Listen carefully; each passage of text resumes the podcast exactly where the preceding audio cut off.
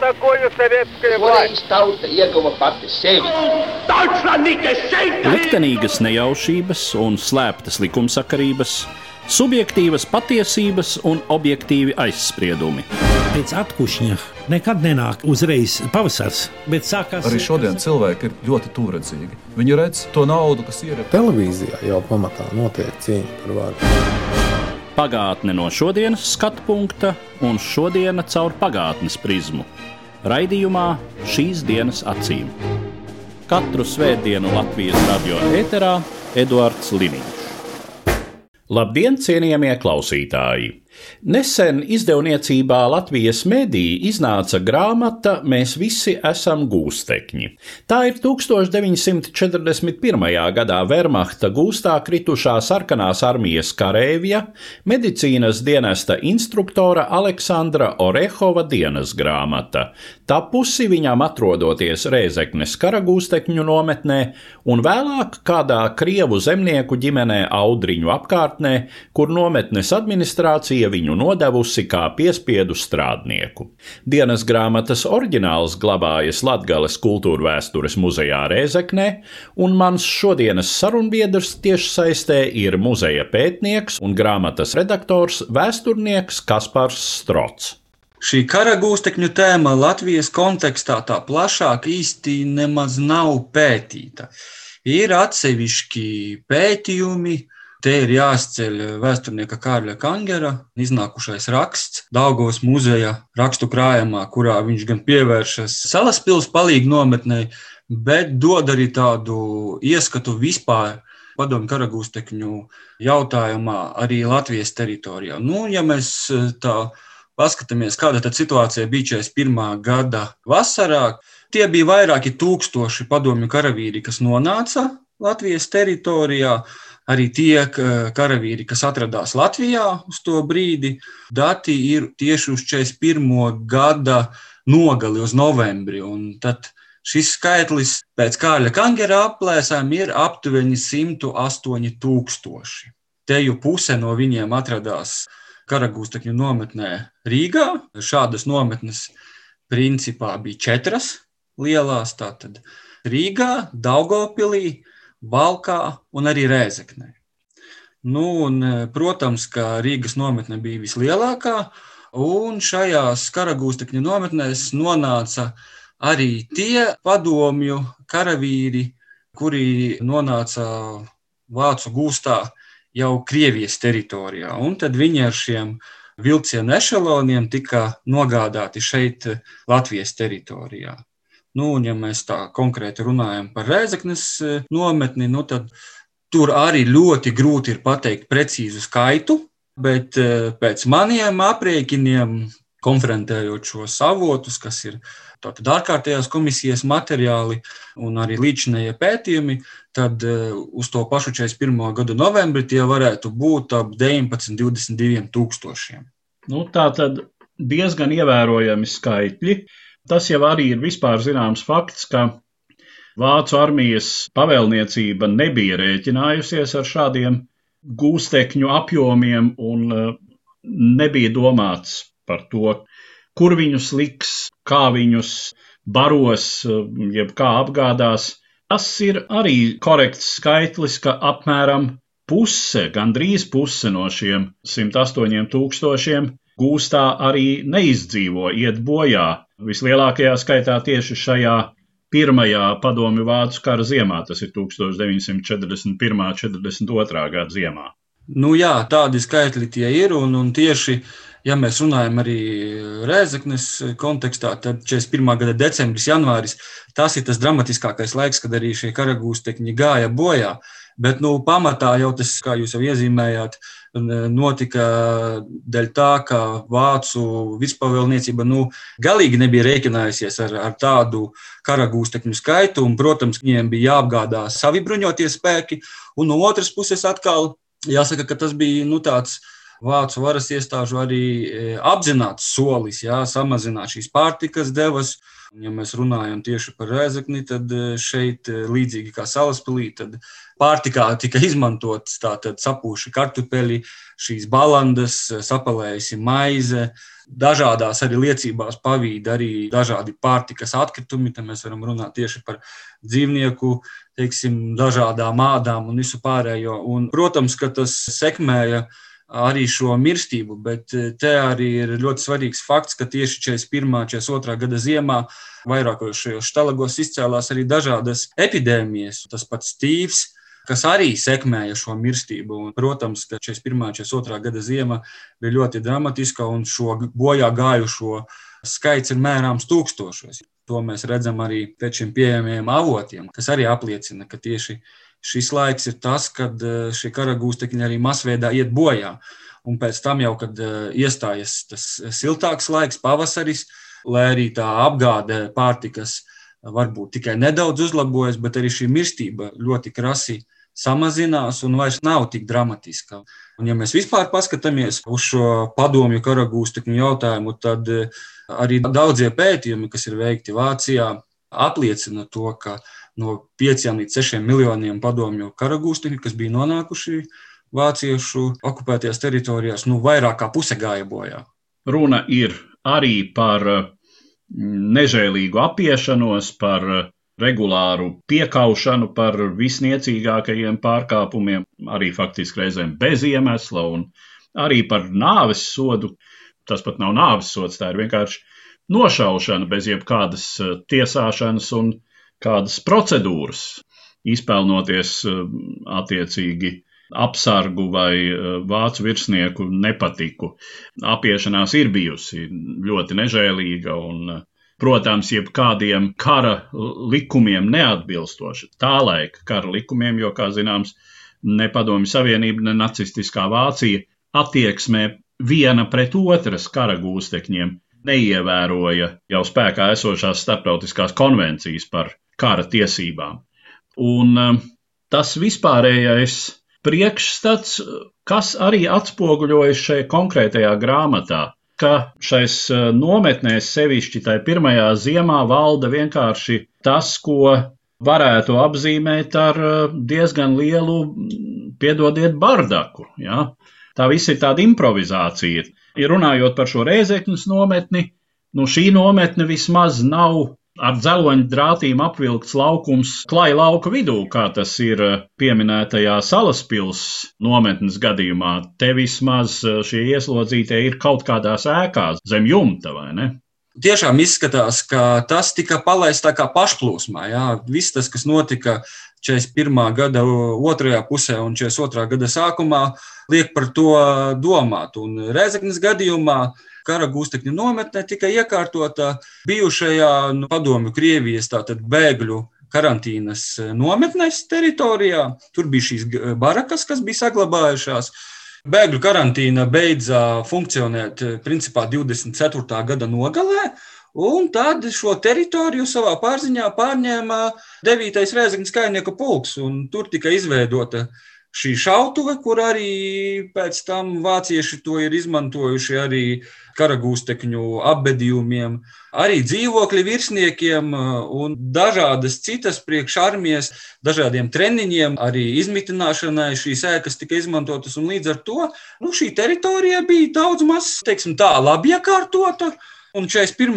gada vasarā nu, tur arī šie karagūstekņi tika izmitināti. Bet, protams, ka šī teritorija nebija paredzēta tik lielam cilvēku skaitam jau esošajās un vēlāk tās barakas, ko arī piebūvēja no jauna, viņas bija diezgan vienkāršas. Tās bija vienkārši koka būves ar eh, daudzstāvīgām nārām, un tāpēc arī bija šie apstākļi ļoti drausmīgi, jo šajās barakās karagūstekņi tika izvietoti vairākos simtos cilvēku, un, un šīs telpas nebija tam paredzētas. Un, protams, neviens nebija domājis par teiksim, labi iekārtošanu, lai ziemā būtu silti Tur pūta vējš, nesa iekšā sniegu, bija šie antisanitārie apstākļi, utis un daudz kas cits. Un, protams, ka tas viss sekmēja šo augsto mirstības. Lai arī tā nometne bija tā kā jau gatava, kur viņus ieslodzīt, bet, eh, protams, ka viņa nebija paredzēta šādam nolūkam. Cik es saprotu, tad joprojām līdz pat pēdējam laikam šīs nometnes apkārtnē tiek atrasti apbedījumi. Vai ir iemesls domāt, ka joprojām visi tur bojā gājušie un turpat apraktie nav atrasti? Par šiem apbedījumiem tas ir diezgan aktuāls jautājums. Un jāsaka, ka padomju gados tas interesantākais ir tas, ka, lai arī, protams, ka nometnē cieta arī padomju aviācijas bombardēšanas laikā, 44. gada aprīlī, un, un ir arī ārkārtējās komisijas nopratinātie liecinieki.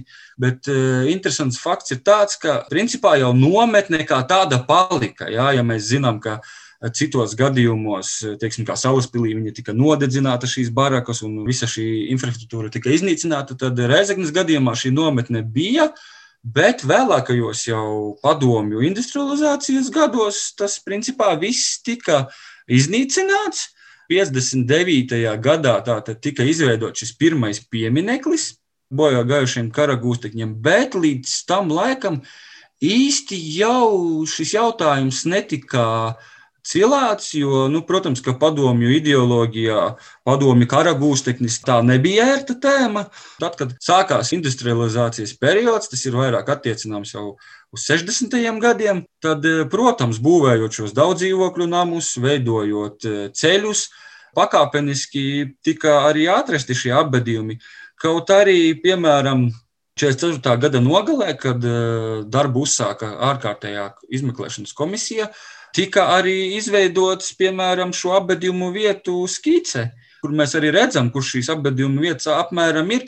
Šīs vācu varas iestādes jau šos masu apbedījumus īpaši jau necentās slēpt. Ir arī stāsti no apkārtējiem iedzīvotājiem, ka, teiksim, pārējot pāri, tur zeme kustās un tur ir viegls tāds slānis. Un e, nebija jau tā, ka apkārtējie nezināja, kas tur ir. Un tad, kad sākās šis industrializācijas posms. No vienas puses, jā, var teikt, ka tur pārsteigums eh, būvējot, ka kaut ko atrod, bet pa lielam jau visi apkārtējie zināja, kas šī par vietu.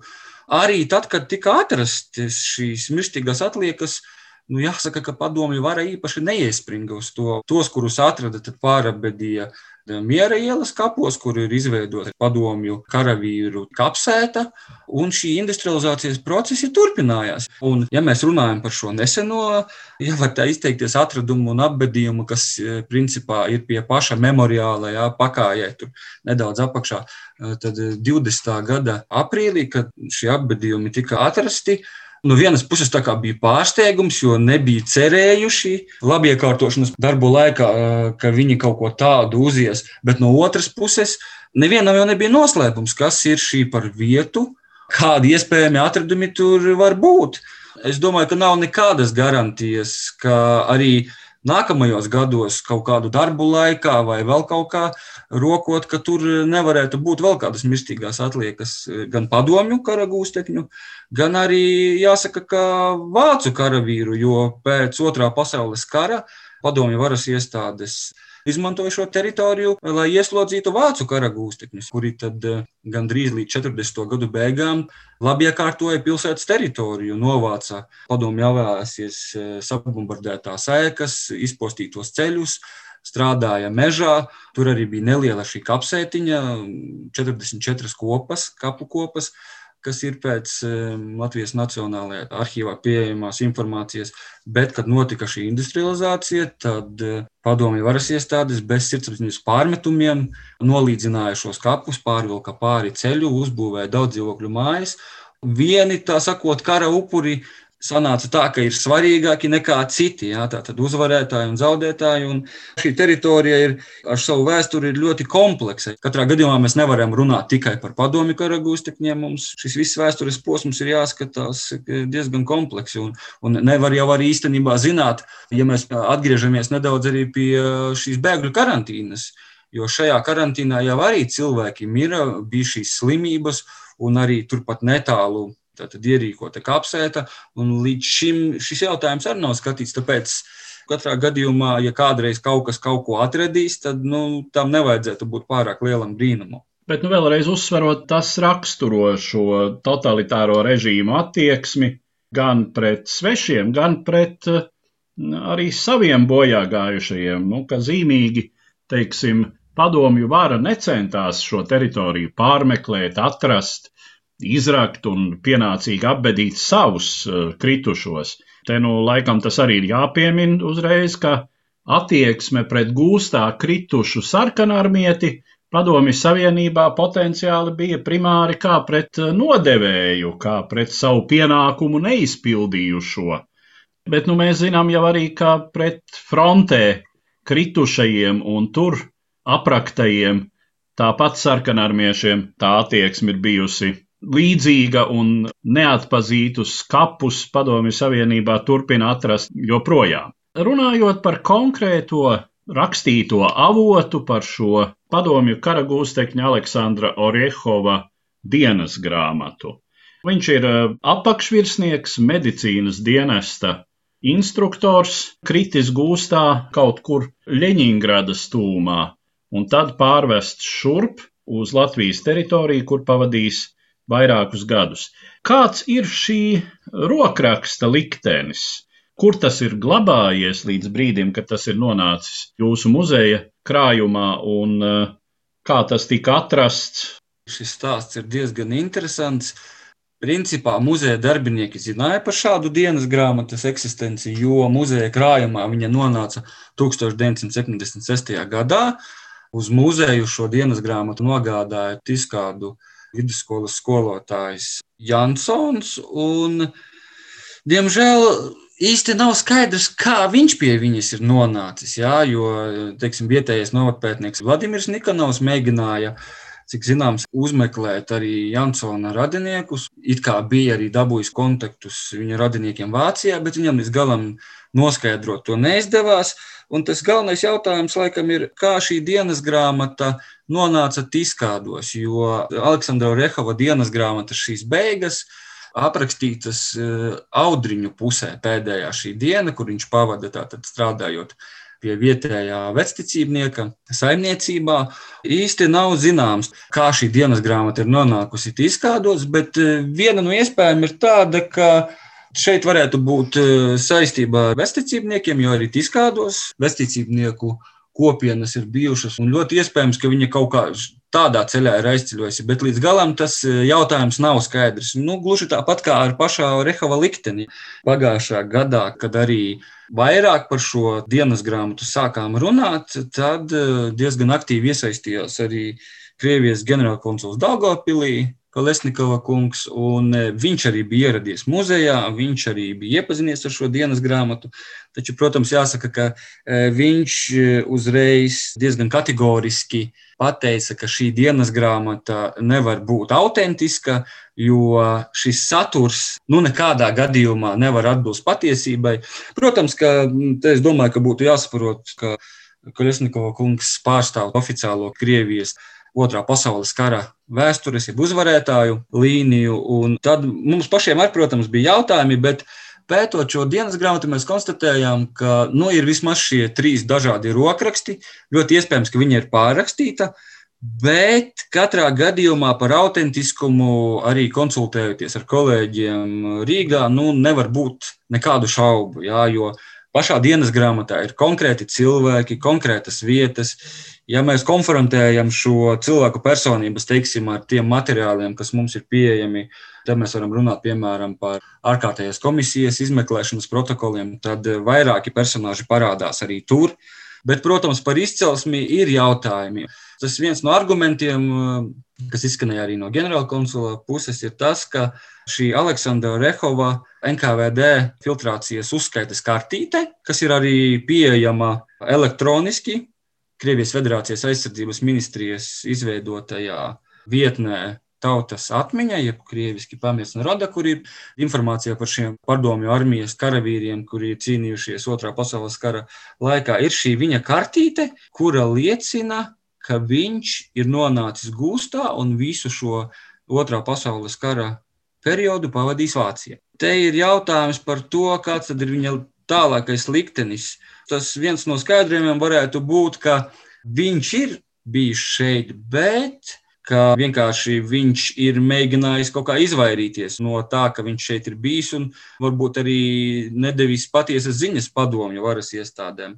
Katrā gadījumā šeit ir tā mīkla, šis varbūt neatbildētais līdz galam jautājums. Tomēr mēs pieturamies pie tās pozīcijas, ka tas ir viņa sarakstītā dienas grāmata, jo, nu, ja nav, tad tur paliek ļoti daudz dažādu jautājumu, sakritības, kas būtu pārāk fantastiskas. Man jau šķiet ļoti loģiska versija, ka šis Aleksandrs Orehovs patiešām pēc tam nonācis Vācijā, nosūtīts tur kā gūsteknis spaidu darbos. Kā zināms, viņš ir izdzīvojis gūstu un atbrīvots, Un, kā jau minēju, padomju varas attieksme pret saviem gūstekņiem, tā bija, maigi izsakoties, aizdomīga. Ļoti iespējams, ka šis cilvēks ir izlēmis, ka viņam izdevīgāk ir noslēpt šo savu uzturēšanos Latvijas teritorijā. Es pieļauju ar tādu motīvu, ka Latvijas teritorijā esot ir vairāk jautājumu, kāpēc tu neizbēgi no gūsta, pievienoties partizāņiem, eh, nonākt atpakaļ savējo pusē un tā tālāk. Ja cilvēks ir aizvests uz Vāciju, tad varbūt šiem jautājumiem ir mazāk iemesla. Nepārprotam, tā ir dienas grāmata. Šis vēstījuma stils ir aprauts īsiem teikumiem, ļoti īsi piesauktiem notikumiem, Tās nav atmiņas, tā ir tieši notikumu gaitā tapusi dienas grāmata, īsas piezīmes. Veidojas e, tomēr tāds šī autora personības tēls. Uzreiz var teikt, ka vismaz tā kā viņš sevi pozicionē, viņš ir pārliecināts, bolševistiskās ideoloģijas piekritējs, dzelžaina pārliecība par padomju varas pareizumu, bezierunu lojalitāte padomju režīmam un, protams, nepatika pret jebkuru citu, kurš faktiski necīnās padomju režīmu pusē. Viņš izjūt nepatiku, teiksim, pret eh, tiem pašiem vietējiem zemniekiem, ja viņi necīnās, vai vēl jau vairāk, ja viņi, teiksim, sadarbojās. No tā viedokļa man arī neradās šaubas lasot, ka teksts ir autentisks. Lai gan kaut kas ir gājis zudībā, kaut kādas lapuses ir acīm redzami izplēstas un tā tālāk. Un tā tālāk. Kas ir vēl ļoti zīmīgi, ka šajā dienas grāmatā tiek atspoguļota šī karagūstekņa ikdiena. Manuprāt, tas ir ļoti vērtīgi caur ne tikai šīs drausmīgā sadzīvē, attieksme no apsardzes, no komandatūras puses, bet arī tas, ka principā šis karagūsteknis ir vienkāršs cilvēks, Un šajos izdzīvošanas momentos viņš ir gatavs darīt jebko, tā izskaitā iestāties pret padomju varu, bet izdzīvot šī ikdiena, kad kara gūstekņi arī teiksim, strādā dažādos darbos, ka viņi lieto alkoholu, ka viņi savā starpā kaujas. Principā viss, kas teiksim, dienas grāmatas autoram pašam ir nepieņemami, bet tā ir tāda kara laika ikdiena, kas ir šajā nometnē. Vēl kas ir ārpus dienas grāmatas, man pašam nācās ar to saskarties. Tas, šie karagūstekņi bija diezgan liels sloks arī vietējiem iedzīvotājiem, jo, teiksim, 43. gadā arī vietējās policijas iecirkņu ziņojumos arī figurē, ka pieaug noziedzība, kā ir zādzības, laupīšanas, teiksim, noziegumi ar letālu iznākumu. Protams, ka tas viss tādam ideologizētam padomju karavīram tas ir neatbilstoši, bet tā ir tā realitāte, kāda tā bija. Un, protams, tie, kas vairāk pārstāv šo padomju ideoloģijas un, un uzvarētāja pusi, tas viss liekas nepieņemami. Līdz ar to arī rodas šīs šaubas, varbūt teksta autentiskumu un visu pārējo. Bet katrā gadījumā es teiktu, ka dienas grāmata ir ļoti vērtīga un arī domāju, tiem, kas strādā ar Otro pasaules kara tematiku, domāju, ka būs diezgan vērtīgs pētniecības avots kas arī dienas grāmatā parādās, un arī jau mēs to pieminējām šeit, par strādāšanu pie vietējiem zemniekiem. Tāds liktenis ir arī Orehovam, vai ir kāds priekšstats, cik vispār tādu padomju karagūstekņu, kuri nonāk eh, Latvijas zemnieku mājās, eh, šajā konkrētajā Orehova gadījumā tā ir Krievu vecticībnieku ģimene, Latgalē. Šķiet, ka tie arī ir bijuši tūkstoši, ja ne desmiti tūkstošu padomi karagūstekņi. Jā, tā bija diezgan izplatīta prakse, un vēsturnieks Henriks Strots savos pētījumos min, ka jau 41. gada nogalē šādu praksi vācu varas iestādes ir piekopušas.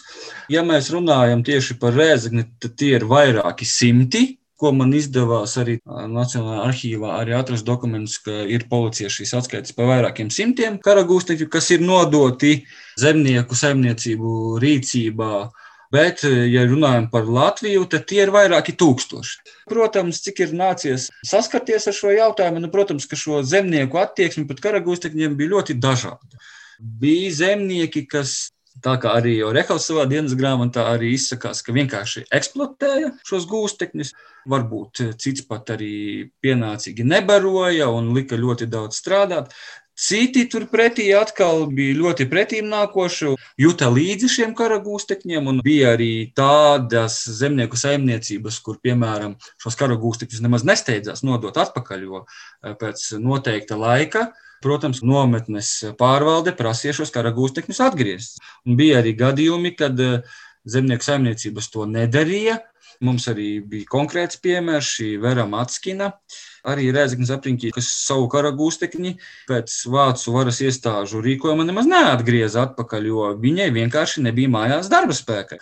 Katrā gadījumā šo karagūstekņu pienesums zemnieku saimniecībām bija ļoti ievērojams, un arī mēs runājam par pašiem karagūstekņiem. Nebija jau tā, ka viņi bija nelaimīgi šajās zemnieku saimniecībās, jo katrā gadījumā tas noteikti bija labāk nekā uzturēties nometnē.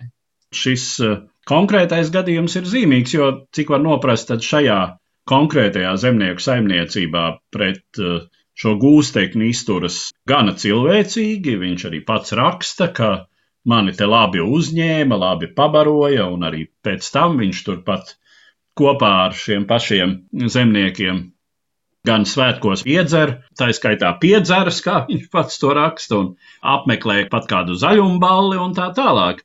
Tas, protams, nav salīdzināms ar uh, dzīvi karagūstekņu nometnē, un uh, zīmīgi arī, ka viņš diezgan daudz runā par domām par bēgšanu un arī par savu līdzbiedru bēgšanas mēģinājumiem, bet eh, no šādas zemnieku saimniecības aizbēgt būtu daudz vienkāršāk, taču tas eh, nenotiek. Kas to zina? Jā, to mēs arī tieši šai zemnieku saimniecībā esot arī šie dienas grāmatas ieraksti apraujas, kā mēs jau konstatējām, tad tālāk par viņa likteni drīzāk mēs varam minēt. Jā, iespējams, ka Krievijas arhīvos kaut kas būtu atrodams, ja šiem arhīviem varētu brīvi tikt klāt.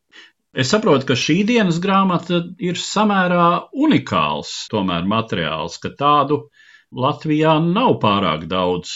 Nu, jā, ja mēs zinām, ka regulārajos bruņotajos spēkos, padomju spēkos vai vermaktā šīs dienas grāmatas tika rakstītas, un daudzas no viņām ir arī ieraudzījušas dienas gaismu un ir publicētas, tad, protams, karagūstekņu nometnēs šādas dienas grāmatas.